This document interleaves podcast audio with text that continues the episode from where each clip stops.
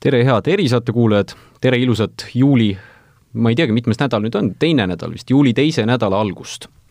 täna on meil külas siis sotsiaaldemokraatide peasekretär Rannar Vassiljev. räägime rahaasjadest, räägime erakonna käekäigust, räägime no üleüldiselt poliitikast. ja mina, saatejuht, olen siis Eesti Päevalehe ajakirjanik Joosep Tiks ja küsiks kohe, tuhniks natuke rahakotis, Rannar Vassiljev, et, et äh, vaatasin nüüd juba kaks kvartalit järjest, äh, Urmas Sõõrumaa on andnud kaksteist tuhat viissada eurot sotsiaaldemokraatidele raha. et miks ta seda teeb, varasemad kvartalid ta pole seda kuidagi nagu ette võtnud? tervist ka minu poolt, äh, eks Urmas Sõõrumaa tõenäoliselt arvab, et sotsiaaldemokraatia on Eesti jaoks vajalik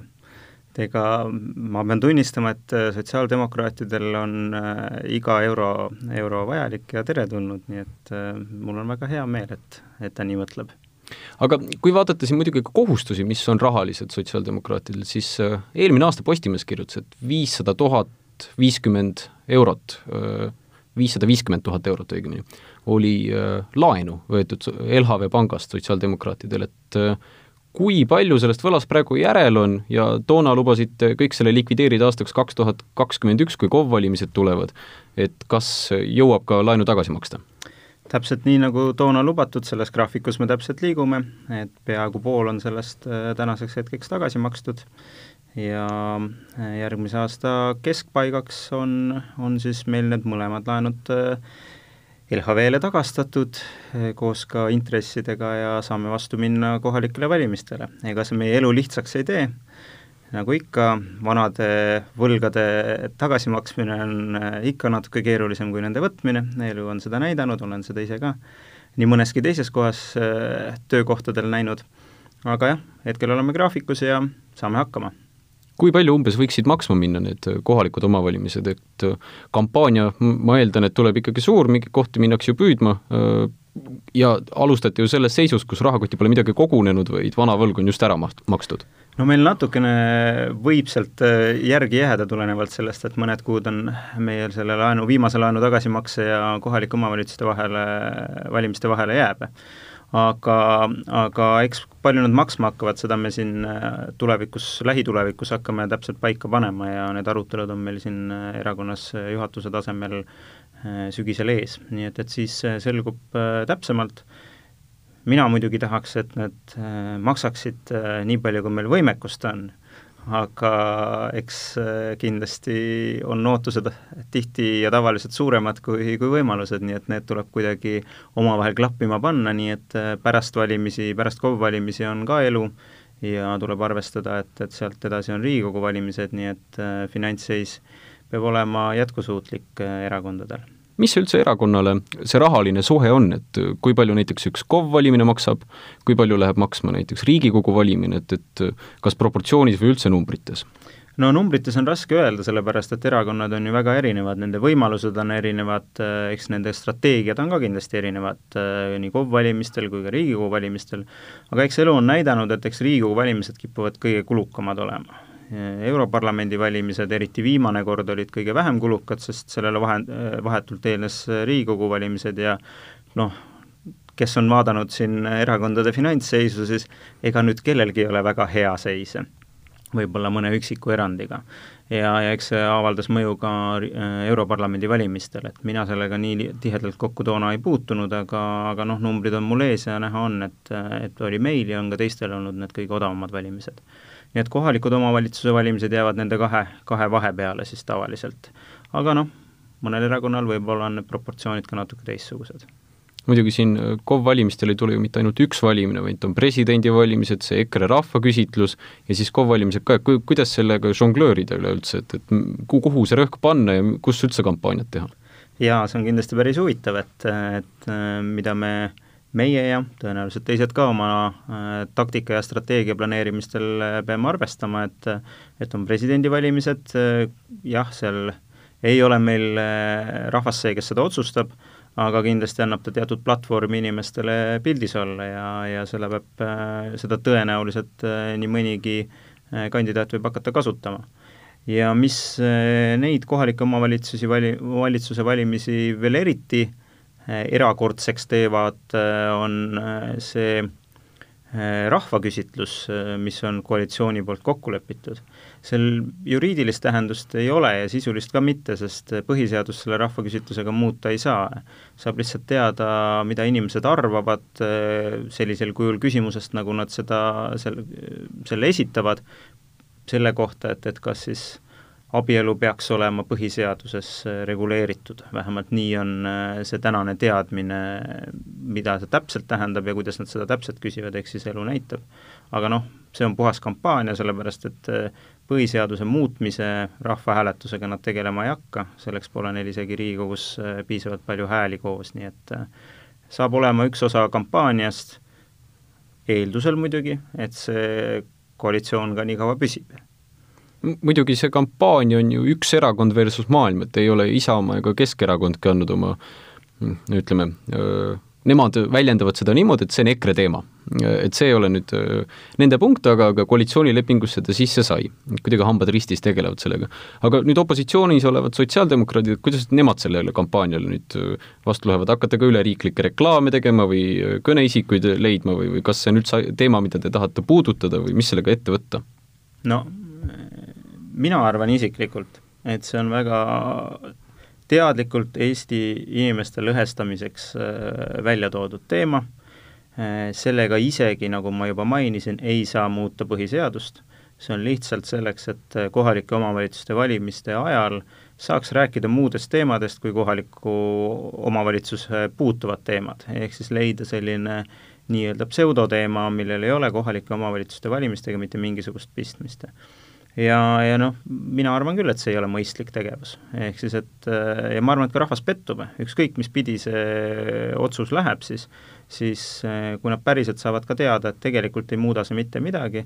noh, siis ma arvan, et see on ka rahva mõttes rahva petmine, et äh, ja ma arvan, et see ei tule üldse demokraatiale kasuks.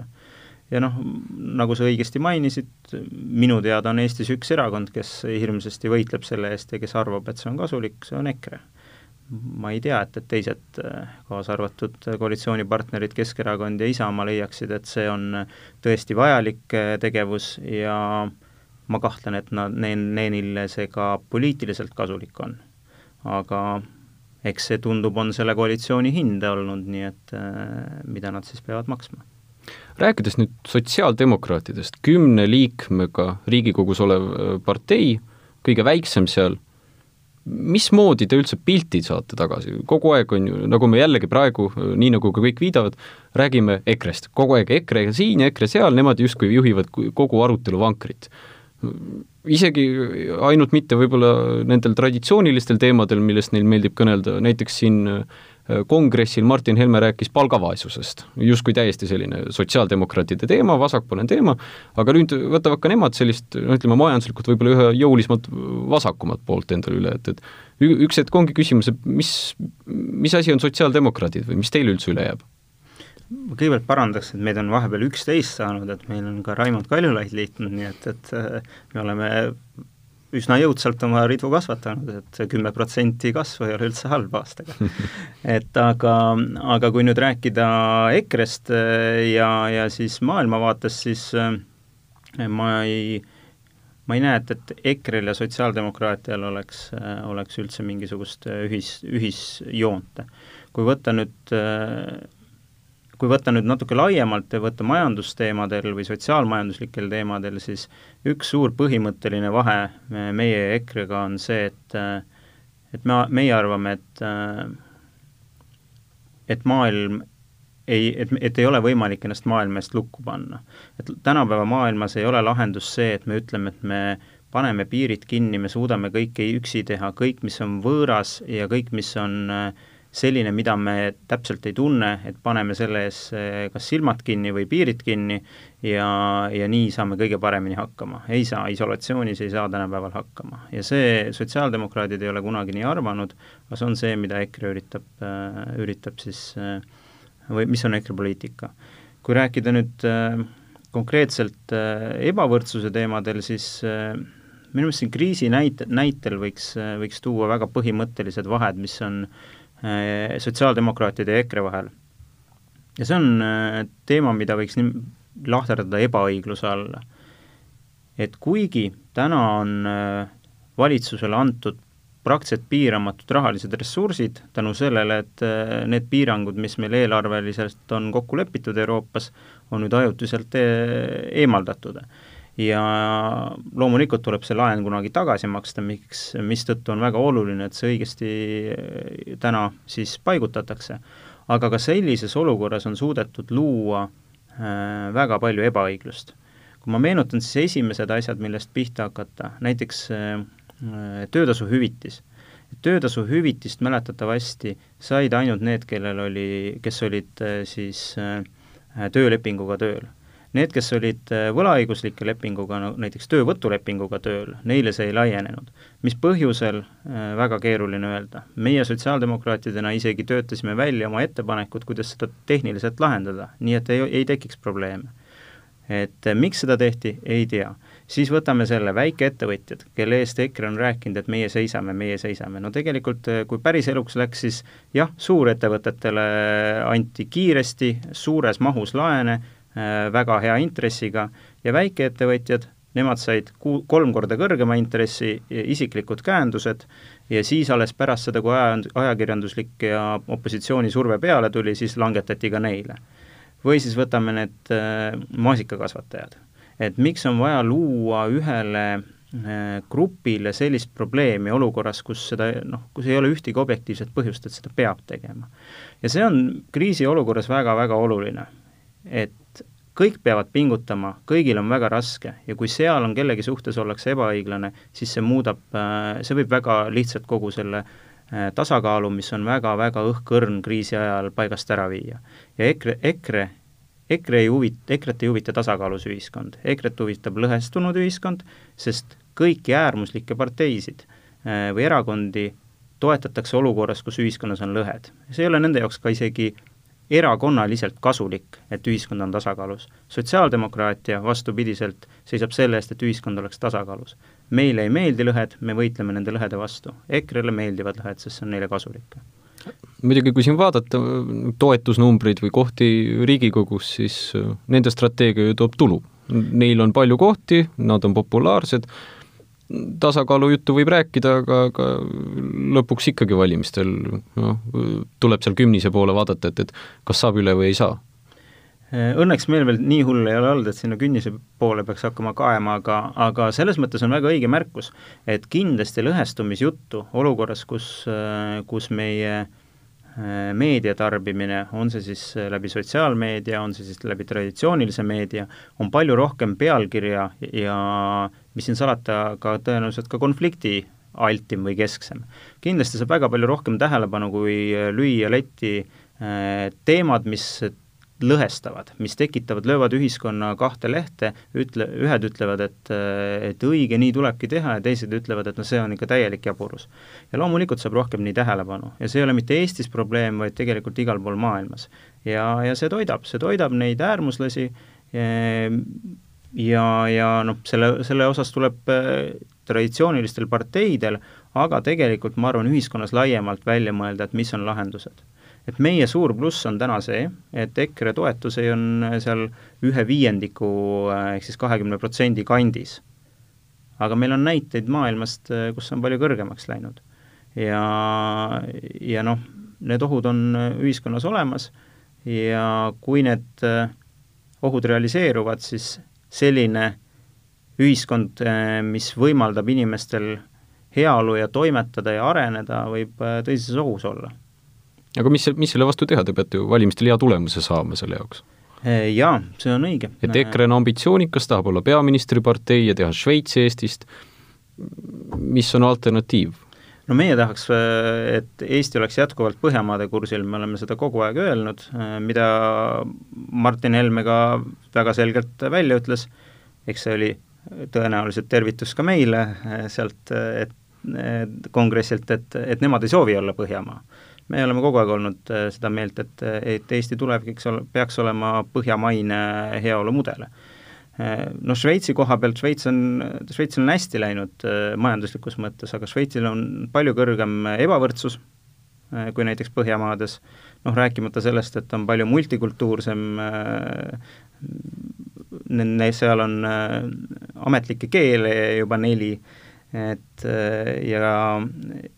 ei ole ta ka ei Euroopa Liidus ega NATO-s, et, et noh, meie jaoks kindlasti Šveits on väga tore riik, aga, aga ma arvan, et ta ei peaks olema meie mudel, mille poole liikuda. aga jah, meie nägemus on Põhjamaad. aga kui küsida, et mida siis teha, siis eks see on ma arvan, et mida sotsiaaldemokraadid peavad tegema ja ma arvan, et ka teised traditsioonilised erakonnad rohkem, on selgemalt välja ütlema, mida, mille eest nad seisavad. et äh, oodatakse konkreetsemaid äh, äh, sõnumeid. me kipume olema natuke liiga äh, keerulised, me tahame kogu maailma ära seletada. rohkem tõenäoliselt tänases meediaruumis on vaja öelda seda, mille eest me seisame, võimalikult konkreetselt. ma usun, et me oleme sinnapoole liikunud, aga meil on veel tublisti arenguruumi näiteks täna Kaja Kallas siin avaldas arvamust, kuidas tema oleks küll kriisis teisiti teinud. et kas, kas see on umbes selline koht, kus Eestisse peaks ka tekkima taoline varivalitsus või, või midagi taolist ähm,? Raske öelda, sest äh, mulle tundub endale, et need varivalitsuste sellisel kujul ajad võib-olla, ma ei tea, kas on möödas, aga võib-olla selle valitsuse puhul hästi ei, ei toimi, sest noh, kui ma nüüd toon näite, et äh, mis kasu on keskkonnaministri variministrist, et, et kui nüüd et sõltumata parteist on täpselt sama tegelane nagunii, jah? jah, ja kui nüüd võib-olla küsida ka tänaval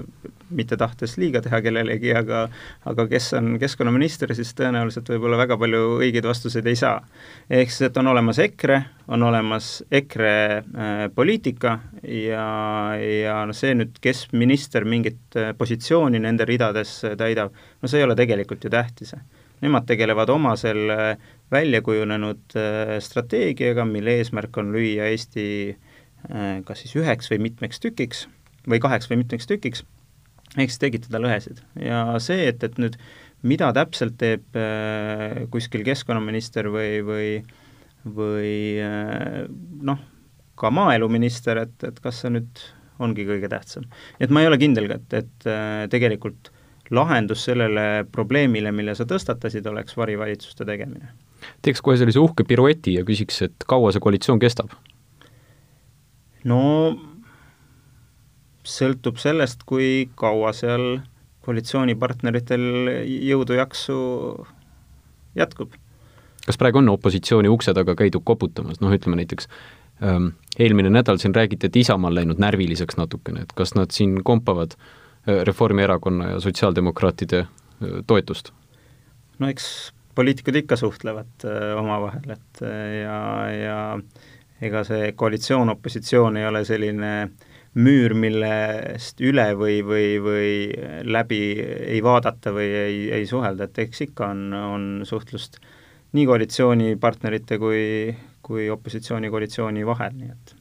Sest siin ko-, koalitsiooni omad on ise väga mm, kriitiliselt ka suhtunud praegu opositsioonierakondade selles, selles mõttes, et nad on nagu hambutud. üks koalitsioonipoliitik siiralt tundis kahju sotsiaaldemokraatide peale, et kuidagi ära hääbunud, kadunud, et äh, kuigi maailmavaateliselt äh, erinevad, siis Indrek Saarest on küll kahju, ta ütles mulle, et, et et sellises olukorras. et mi-, mida sellest teha, kui on koli-, hambutu opositsioon, kuidas nad siis ennast koalitsiooni tõmbavad lõpuks? ei noh, küsimus on eks hambutu või mitte, et et eks, eks see on, sõltub kustpoolt, ma arvan, ka vaadata, et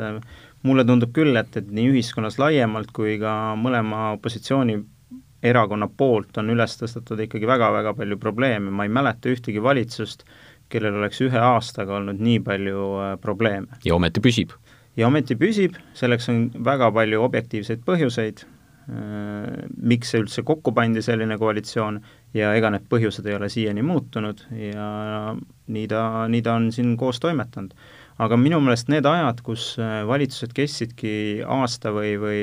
või poolteist, et need on äh, üsna kaugesse minevikku Eesti poliitikas jäänud, et, et tegelikult on ikkagi oluliselt stabiilsemaks meie äh, poliitiline keskkond muutunud. ja, ja selles mõttes, kui palju siin on olnud võbelust ja, ja dramaatikat ja ja omavahelisi kisklemisi ka koalitsiooni, noh, võib-olla mitte koalitsiooni sees, aga ühiskonnas laiemalt, et ma ei mäleta et nii palju varem oleks neid olnud. nii et äh, ma ei saa öelda, et see on nüüd äh, opositsiooni tugevus, opositsiooni tugevuse märk ainult, aga, aga noh, ma arvan, ühiskonnas laiemalt on tekkinud väga tugev opositsioon selle valitsuse vastu ja ja kui koalitsioon tahaks, et see veel tugevam on, siis noh, eks me siis võime, anname omalt poolt äh, gaasi juurde, et, et siis äh, seda koalitsioonipoliitikut, keda sa tsiteerisid, et tal oleks siis rohkem rõõmu aga mida te teete, kas, kas te ootate, et koalitsioon ise laguneks ära või, või kust see gaas tuleb? Eks see gaas, üks on see, mis paistab välja ja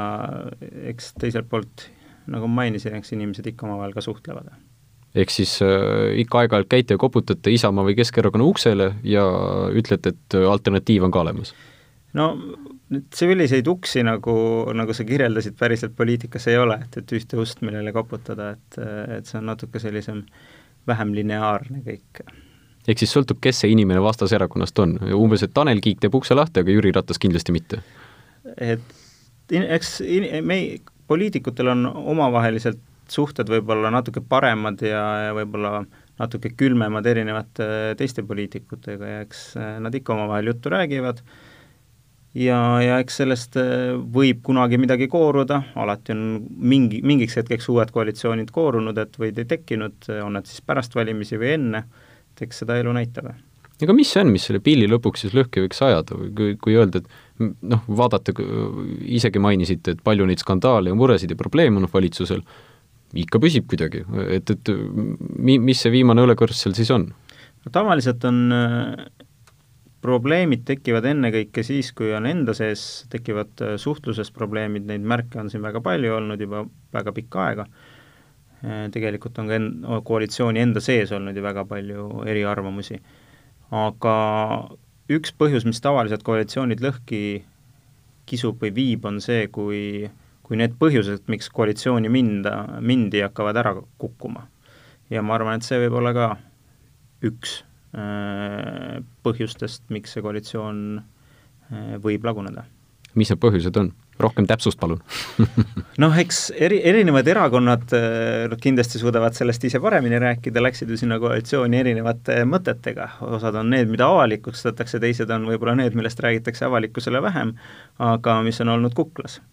et on need siis peaministripartei või soov olla peaministripartei või, või kasvatada erakonna reitingut või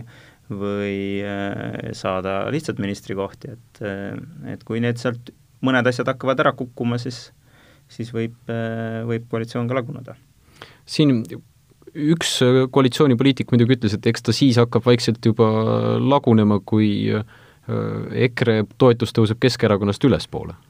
no see kindlasti võib olla üks niisugune probleem, et mina siiralt loodan, et seda ei jus-, ei juhtu, mitte sellepärast, et ma oleksin suur Keskerakonna fänn, aga aga ma arvan, et Eesti ühiskonnale ei ole kasulik see, kui EKRE reiting äh, kasvab. Äh, rääkides, ütleme hüpoteetiliselt, kui nüüd äh, enne või pärast või millal iganes uus valitsus peaks moodustuma, et mis oleks siis sotsiaaldemokraatidel need asjad, mida nüüd praegusest valitsusest siis kas ära tühistatakse või, või kinni pannakse või teisiti tehakse? Noh, kindlasti mida peab arvestama, et, et äh, see sõltub väga palju sellest, millal see koalitsioon kokku pannakse, sõltub sellest, milline on äh, Eesti olukord. et kas meil tuleb uus laine, ei tule meil uut lainet, äh, milline on mõju majandusele, et see kõik sõltub ju tegelikult väga palju sellest. aga noh, mis on põhimõttelised asjad, et nagu ma mainisin, ma arvan, kõik see, mis puudutab Eesti e-, lõhestumist suhtlust välismee-, äh, välisriikidega, et seal on äh, kohad, kus kindlasti tuleb teha väga suuri, suuri muudatusi. loomulikult on meil ka konkreetsed asjad, mille, mille eest me seisame, mida tänane valitsus ei ole lahendanud, on see siis näiteks lasteaia kohatasu kaotamine või lastu, laste toiduraha kaotamine laste, lasteaias Äh, või siis näiteks äh, hooldekodu kohta. et täna ikkagi on väga paljudel peredel tõsine probleem see, et kui äh, üks pereliige peab või vajab hooldekodu kohta ja selle eest tuleb hakata täismahus ise maksma, sest pension ei kata seda ära, siis see on väga suur koormus inimestele ja väga paljud inimesed seda täna näevad ja, ja ma arvan, et see on üks asi, mida, mida me peaksime kindlasti ära lahendama. aga kas on midagi sellist ka, mis üldse süüa ei sobi, et kohe kinni keerata või ära tühistada või noh, küsimus ju sellele, et, et kas valitsus siis on teinud mingeid selliseid otsuseid, mida nüüd kohe tahaks ümber pöörata opositsioonis olles? Noh, eks neil tuleb otsa vaadata, nagu ma ütlesin, et, et kin-, kindlasti peab vaatama seda olukorda, et, et kus me asume täpselt ja millal see hetk juhtub, väga suur vahe on, kas see juhtub sügisel, kevadel, äh, võib-olla juhtub kahe aasta pärast, et, äh, et sellest väga palju sõltub, et äh, mina arvan seda, et, et enne kui midagi tühistama või muutma hakata, peaks korra neile asjadele otsa vaatama, et ma, mulle ei meeldi põhimõtteliselt see stiil, mida üks koalitsioonipartner väga valjuhäälselt rakendab, on see, et kõigepealt ütleme välja, äh, lööme kõik asjad lukku, äh, teatame, et, äh, et välistööjõudu ei saa, maasikad las jäävad põllule, kui, kui see jutt kui, kui need, kellel probleem on, tulevad sellega meediasse, siis ähvardame Maksuametiga, et see stiil ei ole minu meelest õige ja ma arvan, et see ei ole, see ei ole põhjamaine stiil, põhjamaine stiil on vastupidi, koostöö, omavahel läbirääkimine ja kokkuleppimine. et enne, kui midagi siin lõhkuma ja la-, lammutama hakata, peaks enne ikkagi asja sisse vaatama ja, ja mõtlema, kuidas seda asja paremaks teha. No näiteks see teine pensionisammas, kas sellega on mingit põhimõttelist küsimust, et, et isegi kui Riigikohus nüüd otsustab, et kõik on ilusasti klaar, läheme edasi selle reformiga, kas no ütleme, kahe kuu pärast näiteks, kui Isamaa, Reform ja sotsid tahaksid koalitsiooni teha, kas sotsiaaldemokraatidel oleks mõte siis, et võib-olla ikkagi edasi minna selle reformiga, vaatame, kaalume seda, või, või on seal mõni selline ultimaatum platsis? noh, seda peab siis vaatama, täpselt nagu sa õigesti tõid, et esimene küsimus on, mida siis täpselt Riigikohus otsustab, et et kui sõltuvalt sellest on ka, on see, millega edasi minna. ja, ja väga palju sõltub ka sellest, et mis ajahetkel see toimub, mis on tegelikult selleks ajaks siis pensionisambast saanud kui Riigikogus kohus otsustab, et see on põhiseaduse vastane, noh, siis ei ole probleemi väga palju peale selle, et, et riik nüüd oma maksed äh, külmutas, see kahju on kindlasti väiksem. Äh, kui otsustatakse, et see on põhiseadusega kooskõlas äh, ja peaks toimuma mingil hetkel valitsuse muudatus, siis peab vaatama, mida selles, selles olukorras teha saab. ehk siis, et äh, meie nägemuses oli kogu see protsess suur viga, see, et, et seda teist sammast lammutama hakati, nüüd on küsimus, et kui see on juba lammutatud või pooleldi äh, ära lammutatud, kuidas seda siis uuesti üles ehitada? ma mõtlen, äh, praegu on koalitsioonis natuke niisugune naljakas seis, justkui mm, kuskil ma väljendasin ka, küsisin kellegi käest intervjuus, et vangi dilemma. Äh, ehk siis kes esimesena läheb, see võidab järgmise koalitsiooni. missugune erakond neist läheb siis esimesena välja sealt? Noh, raske öelda, et eks siis äh, see, kellel kõige raskem seal on tõenäoliselt või, või nagu sa väga õigesti välja tõid, et äh, ma, ma ei, jah, mõnes mõttes võib selle vangi dilemmaga äh,, dilemmaga äh, paralleele tuua küll, sest äh, selles, selles teoorias või dilemmas on jah, kaotab kõige rohkem see, kes äh, mõkutama jääb. kes jah, siis nii-öelda teist välja ei anna, teist vangi välja ei anna, et et aga muuseas siin oli hiljuti, tehti küll nüüd äh, siis äh, tehisintellekti poolt äh, siis korra, korrati seda vangi dilemma äh, imitatsiooni, et milline strateegia pikas perspektiivis kõige paremini töötab ja kõige halvemini. kunagi, kui ma õigesti mäletan, äkki kaheksakümnendatel või üheksakümnendatel oli ka nii-öelda teadlaste poolt manuaalselt läbi mängitud erinevaid strateegiaid. ja muuseas võitis pikas perspektiivis see, kes kõigepealt läks koostööle ja siis jäljendas äh, partneri käitumist. et äh, mis on iseenesest huvitav, võib-olla ka ühiskonnas laiemalt, et äh, kõigepealt maksab koostööd teha ja siis, kui teine sind reedab, noh siis ei ole midagi teha, et ja vastupidi, kui teine jätkab koostööd, siis tuleb seda edasi teha. muidugi vangi vist nii tihti ei satuta kui koalitsiooni? Õnneks mitte vist jah, et noh, eks oleneb ka inimestest, et küsiks viimase küsimuse. Järgmised Riigikogu valimised mis ta siis nüüd on, kaks tuhat kakskümmend kolm. jah, mitu kohta sotsiaaldemokraadid saavad? ma võin ju ükskõik mis numbri siin välja öelda, et seal ju väga, väga suurt tähtsust ei ole, ma arvan, et oluline on see, et me kindlasti tahame oma äh, koosseisu suurendada, mis ma arvan, Eesti jaoks on tähtis, on see, et, et äh, valimistulemus annab äh, välja mõistliku koalitsiooni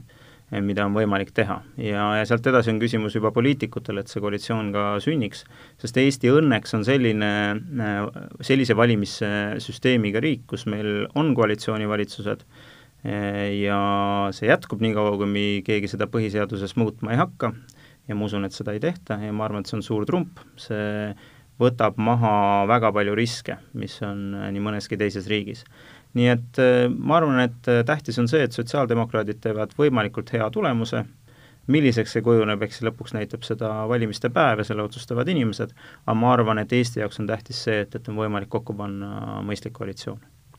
Rannar Vassiljev, suur aitäh, et tulite erisaatesse, samuti suur aitäh ka erisaate kuulajatele ning kohtume järgmine kord, kõike kena! nii